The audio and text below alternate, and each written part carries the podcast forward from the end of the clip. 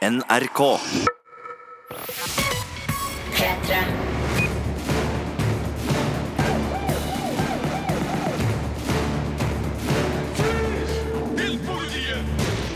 Ja, Velkommen til Filmpolitiet, der jeg, Birger Vestmo, er alene i dag. Det vil si ikke helt alene, for Fredrik Skaget Øyen kommer innom for å felle dommen over den store Netflix-serien Altered Carbon, som har premiere i dag, samt den franske filmen Let the Sunshine In med Juliette Binoche. Jeg har også sett en fransk premierefilm, nemlig C'est la vie, fra filmskaperne av suksessen De urørlige. Jeg har også sett den nye Pixar-filmen Coco, og nå nærmest skal du få høre hva jeg mener om I, Tonja, filmen om kunstløperen Tonja Harding og den store skandalen hun var involvert i før OL på Lillehammer i 1994. Filmpolitiet anmelder film. Maybe you're just not as good as you think. Maybe you should pick another sport. Suck my dick. I, Tonja handler om Tonja Hardings uvanlige vei mot kunstløptoppen, omstendighetene rundt skandalen foran OL på Lillehammer, og hvordan det hele fikk en selsom konklusjon i Nordlyshallen på Hamar. Regissør Craig Gillespie forteller historien som en sort komedie, der man kan få en følelse av at figurene er overdrevent karikerte, hadde det ikke vært for arkivklipp mot slutten, som tyder på at ting ikke er spesielt overdrevet i det hele tatt. I, Tonja er derfor underholdende og hoderystende på samme tid. This is how it's done. Some of these girls have paid their dues. I don't give a shit. I outskated them today. We also judge on presentation. Tonja Harding, spilt av Margot Robbie, utfordrer kunstløpkonvensjonene med sin rå og ufiltrerte personlighet, og samsvarer dårlig med miljøets syn på hvordan en kunstløper skal te seg, både på og utafor isen. Allerede som ung jente gifter hun seg med Jeff Gillooly, spilt av Sebastian Stan. Filmen skildrer deres mange opp- og nedturer, og hvordan Jeffs kjærlighet til Tonja resulterer i noen uheldige beslutninger. En tvilsom kamerat tar på seg å få noen til å skremme Nancy Kerrigan for å bedre Tonjas sjanser i OL, men tar oppdraget i en litt mer alvorlig retning enn planlagt. Come on! What kind of friggin' person bashes in their friend's knee? Oscar-nominerte Alison Janny gjør en tragikomisk rolle som Lavona, den kjederøykende og seriebannende mora med en iskald innstilling. Sebastian Stan er òg god som Jeff Gilluli, en enkel og godhjerta sjel som dessverre òg har et eksplosivt temperament som Tonja får merke smertelig godt. Dualiteten i personligheten formidles godt av Stan. Margot Robbie er naturlig nok filmens store stjerne. Hennes Oscar-nominerte portrett av Tonja vekker både sympati og hoderysting, men figuren hun spiller, virker å være en naturlig konsekvens av oppvekstkår og familieforhold. Desto sterkere er det å se hennes konkurranseinstinkt i en så vakker og grasiøs sport som kunstløp. I mean, when I was a kid, did you ever love me or anything? You think Sonia Henny's mother loved her? I, Tonja er en underholdende film som forteller bakgrunnen for skandalen som satte sitt preg på Lillehammer-OL. Ikke forvent vetta og troll i filmen, for ikke et sekund er filma i Norge, og det er et minimum av referanser til OL i 1994. Men I, Tonja er uansett en godt fortalt røverhistorie, som er både morsom og sørgelig samtidig. My entire life, I'd been told I wouldn't amount to anything. You know what? Maybe I would. Terningkast fem. Les mer om film, spill og serier på p3.no Filmpolitiet. Filmpolitiet på P3. Jakob Oftebro skal spille den svenske agenten Carl Hamilton i en ny TV-serie fra Seymour og TV4. Forfatter Jan Guillou har skrevet tolv bøker om etterretningsoffiseren som jobber i en hemmelig avdeling i det svenske militæret. Hamilton har vært spilt flere ganger tidligere på både film og TV av Stellan Skarsgård, Peter Haber, Stefan Sauk, Peter Stormare og Mikael Persbrandt. Men nå skal altså Jakob Oftebro spille en um, yngre utgave av denne figuren. Dramasjefen i Seymour, Josefine Tengblad, sier til Variety at de har hatt Oftebro i kikkerten lenge, og har endelig funnet et passende prosjekt for han. En annen nordmann, Petter S. Rosenlund, kjent for manuset til NRK-serien Kampen om tungtvannet, skal skrive manus til den nye Hamilton-serien, mens eh, danske Kasper Barfod skal regissere. Innspillinga starter til våren, både i Sverige og andre europeiske land, og Hamilton får premiere på Seymour neste år. Chris Pratt, kjent fra Parks and Rec og selvfølgelig Guardians of the Galaxy, har et nytt filmprosjekt på gang. Det har den fargerike tittelen Cowboy Ninja Viking, og har nettopp ansatt en regissør, nemlig Michelle McLaren, som har markert seg med gode episoder av seriene Breaking Bad, Game of Thrones, Westworld, The Leftovers, The Walking Dead og The Deuce. Cowboy Ninja Viking er en kinofilm og handler om en spesiell etterretningsenhet som bruker agenter med dissosiativ identitetsforstyrrelse, tidligere kalt multiple personlighetsforstyrrelse. I filmen kalles de trillinger, og når de kommer ut av kontroll, kommer den farligste trillingen etter dem, nemlig Cowboy Ninja Viking, som Chris Pratt skal spille.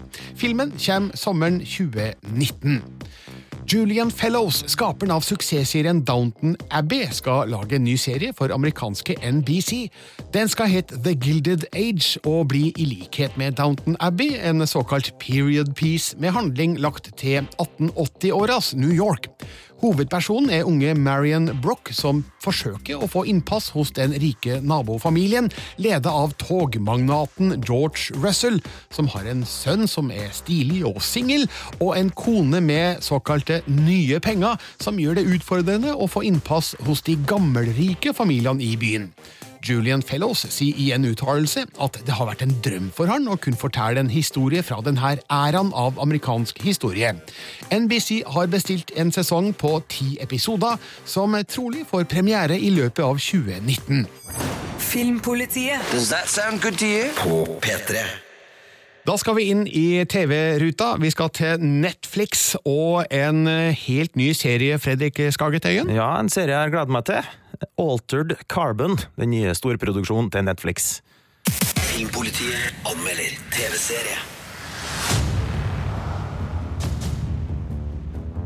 You are the property of Bancroft Industries. You've been provided with this body, which came equipped with military grade neurochem and combat muscle memory.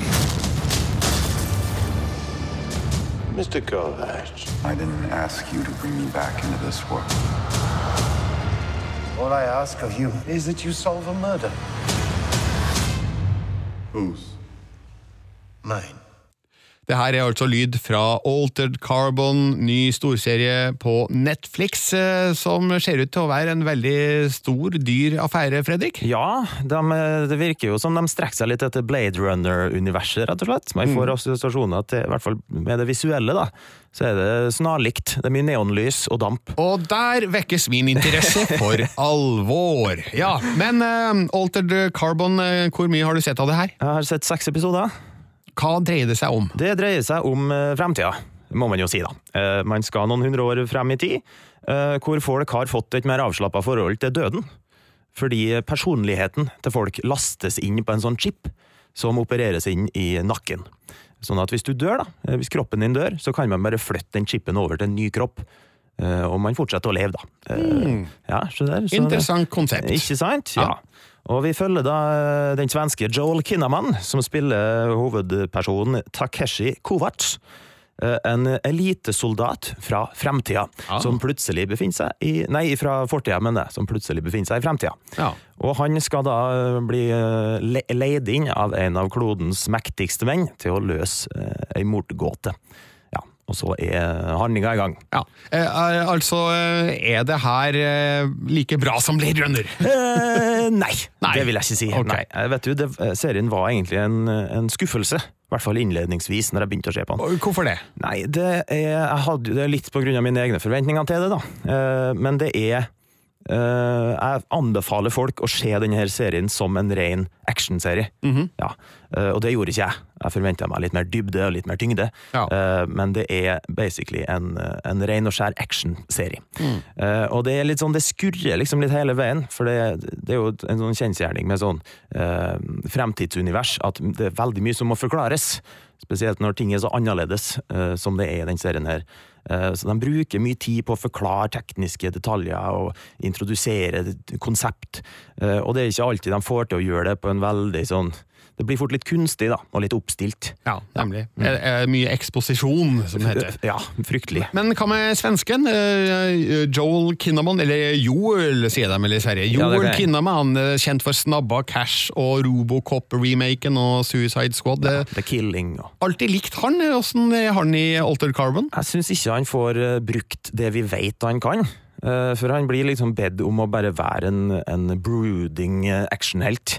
Eh, og det, det glimter det glimter i øya hans skinner litt igjennom samme gang, men men eh, nei, vet du, det, det blir for tøft, liksom. Han er for tøff, nesten, i den serien her. Du har sett seks episoder av Altered Carbon. Hele sesongen ligger ut på Netflix nå.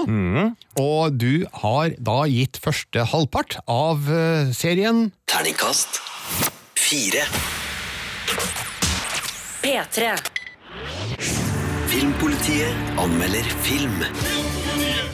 Je vous le redis là une bonne fois pour toutes, on est dans un château du XVIIe siècle. Donc on est forcément limité en puissance électrique. À l'époque, ils n'avaient pas prévu les ponts de lumière et des, des sonos de 4000 watts. Den franske filmen C'est la vie er skrevet og regissert av Olivier Nakash og Erik Toledano, duoen bak gigantsuksessen De urørlige fra 2011. Deres nyeste har allerede blitt en suksess på hjemmebane, men det er tvilsomt om den får like stor gjennomslagskraft internasjonalt under den åpenlyse lokkemattittelen C'est la vie. Det er i utgangspunktet en lun og sympatisk komedie, men den har veldig mange figurer og historietråder som manuset sliter med å samle til en sammenhengende historie. Det er òg vanskelig å tro på miljøskildringa rundt hovedpersonen. La er slett ingen katastrofe, men likevel en liten skuffelse etter Nakash og Toledanos forrige fulltreffer. Bon, donc on ne tire pas tous ensemble on se coordonne, on échange, hein, on partage. Bon, et puis pour finir, Max, spilt av Jean-Pierre Bacri, er bryllupsarrangør i storformat. Nå samler han sine medarbeidere til en stor og ambisiøs feiring i et 1600-tallsslott. Brudgommen Pierre, spilt av Benjamin Lavernet, er imidlertid en krevende kunde, samtidig som interne intriger i arbeidslaget og praktiske utfordringer på slottet dukker opp som perler på en snor. Det handler blant annet om den overivrige sangeren James, spilt av Gilles Lelouch, den late bryllupsfotografen Bernard, spilt av Nikki Marbot, kelneren Julien, spilt av Vincent Macain, som har en forhistorie med bruden, samt en luskende herre med stresskoffert som kanskje er fra Arbeidstilsynet. on a un client important qui nous a fait confiance hein, pour qu'on lui organise un mariage clé en main. Je vous préciser quand même que je suis pas un grand orateur. Eh ben ferme ta gueule alors, ça sera plus simple. Donc je compte sur vous pour que ce soir, particulièrement, on fasse une belle soirée. Det legges opp til mange søte forviklinger i C'est la men de blir aldri særlig mer enn små episodiske innslag som ikke rekker oppnå noe spesielt stort emosjonelt nivå. Flere av figurene oppdager kjærligheten underveis i historien, men det er filmromantikk av det glatte og overfladiske slaget. Situasjonskomikken er òg av den slappe sorten, slik at den kraftigste reaksjonen i kinosalen i beste fall blir småhumring. C'est la vie er pent filma, med dyktige skuespillere i nydelige omgivelser, men manuset mangler skarpe kanter, det filmatiske har svak fremdrift, og humoren er stort sett fraværende, der det nok var meint at latterdørene skulle åpnes for fullt.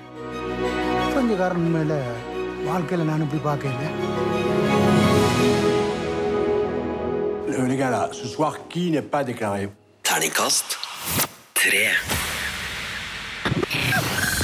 Les mer om film, spill og serier på p3.no Filmpolitiet. Filmpolitiet anmelder film. I know I'm not supposed to love music. No music. No music. Animasjonsgigantene i Pixar er flinke til å servere nye originalfilmer mellom sine oppfølgere. Før De utrolige to kommer senere i år, kan vi nå se Coco, regissert av Lee Unkrich.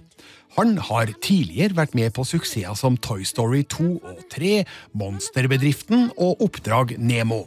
Sjølsagt er også Coco en nydelig animert film med en imponerende evne til å underholde, samtidig som den appellerer til et bredt spekter av kinopublikummet. Når den likevel ikke når helt opp til de aller beste Pixar-filmene, skyldes det en litt forutsigbar historiefortelling som ikke når de samme emosjonelle toppene som i f.eks. Toy Story, Se opp og Innsiden ut.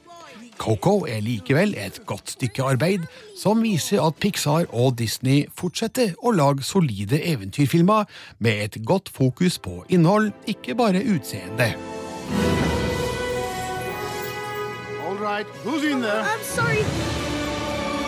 What's going on? I'm just dreaming. Historien er lagt til Mexico, der lille Miguel nektes å spille gitar.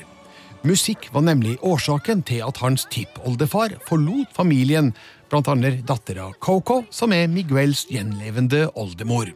Nå er all musikk bannlyst, men Miguel bestemmer seg for å trosse forbudet pga. en talentkonkurranse i forbindelse med Dia de Muertos, De dødes dag, der avdøde familiemedlemmer skal feires.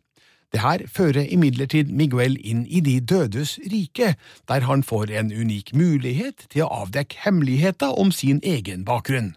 And if I want to get back to the land of the living, I need the necklace's blessing. That's weirdly specific. He's my great great grandfather. He's your great gr- gr- what? Tematikken i Coco dreier seg om betydninga av familiebånd. Det handler òg om hvordan dype sjelesår setter spor gjennom flere generasjoner.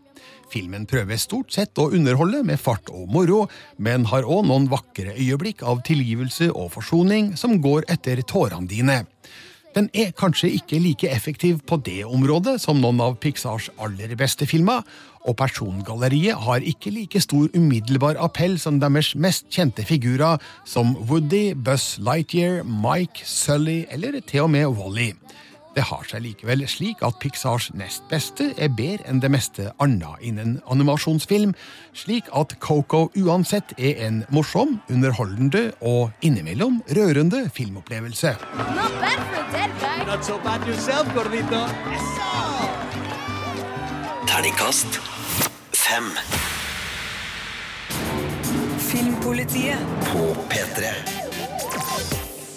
Det er ingen hemmelighet at Ridley Scott er en av mine favorittregissører, og nå skal han motta BAFTA Fellowship 18. februar. Dette er den høyeste utmerkelsen som gis av The British Academy of Film and Television Arts. BAFTA-sjef Amanda Berry sier at Ridley Scott er en visjonær regissør, en av de store britiske filmskaperne som har satt sitt preg på filmhistorien. Ja, enig i den.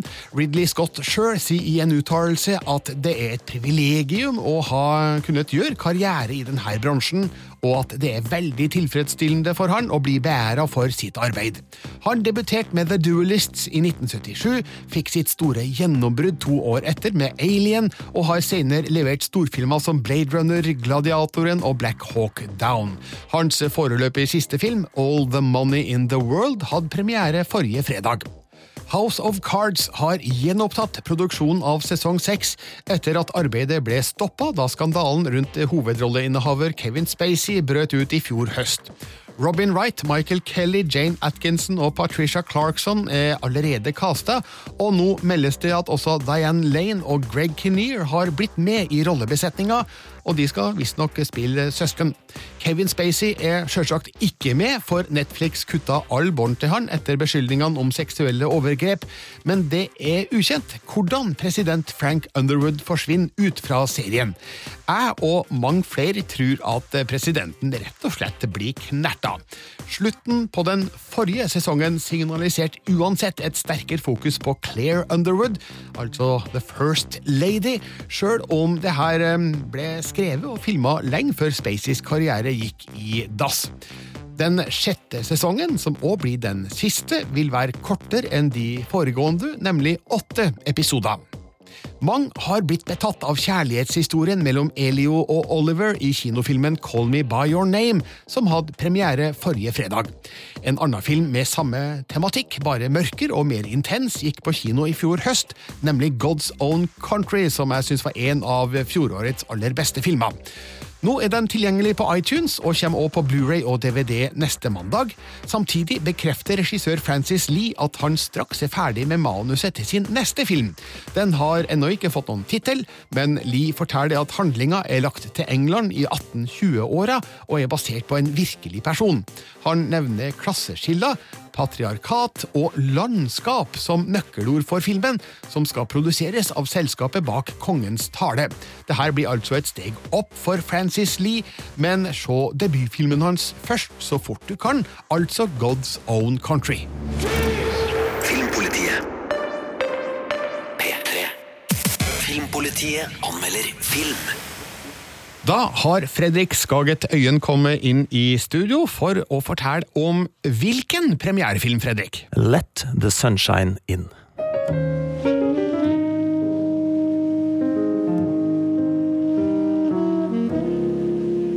Et bah, Je suis rentrée avec lui et. euh, j'ai pensé que j'étais très heureuse, que j'avais beaucoup de chance, que ma vie était extraordinaire.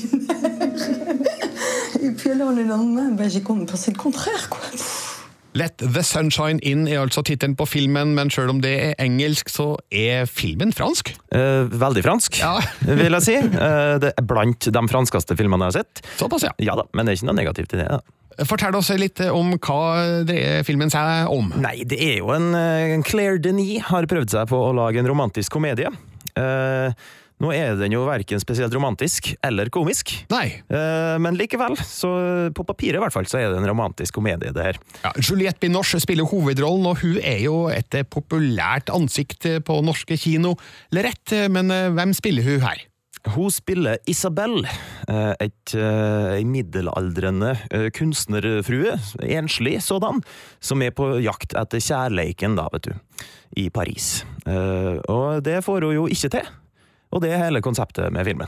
Ja. Ja. Det er vanskelig. Spoila du slutten på Lette Sunshine Inn' her nå? Eh, nei, det tror jeg man skjønner i starten, for å si det sånn. Okay. Ja.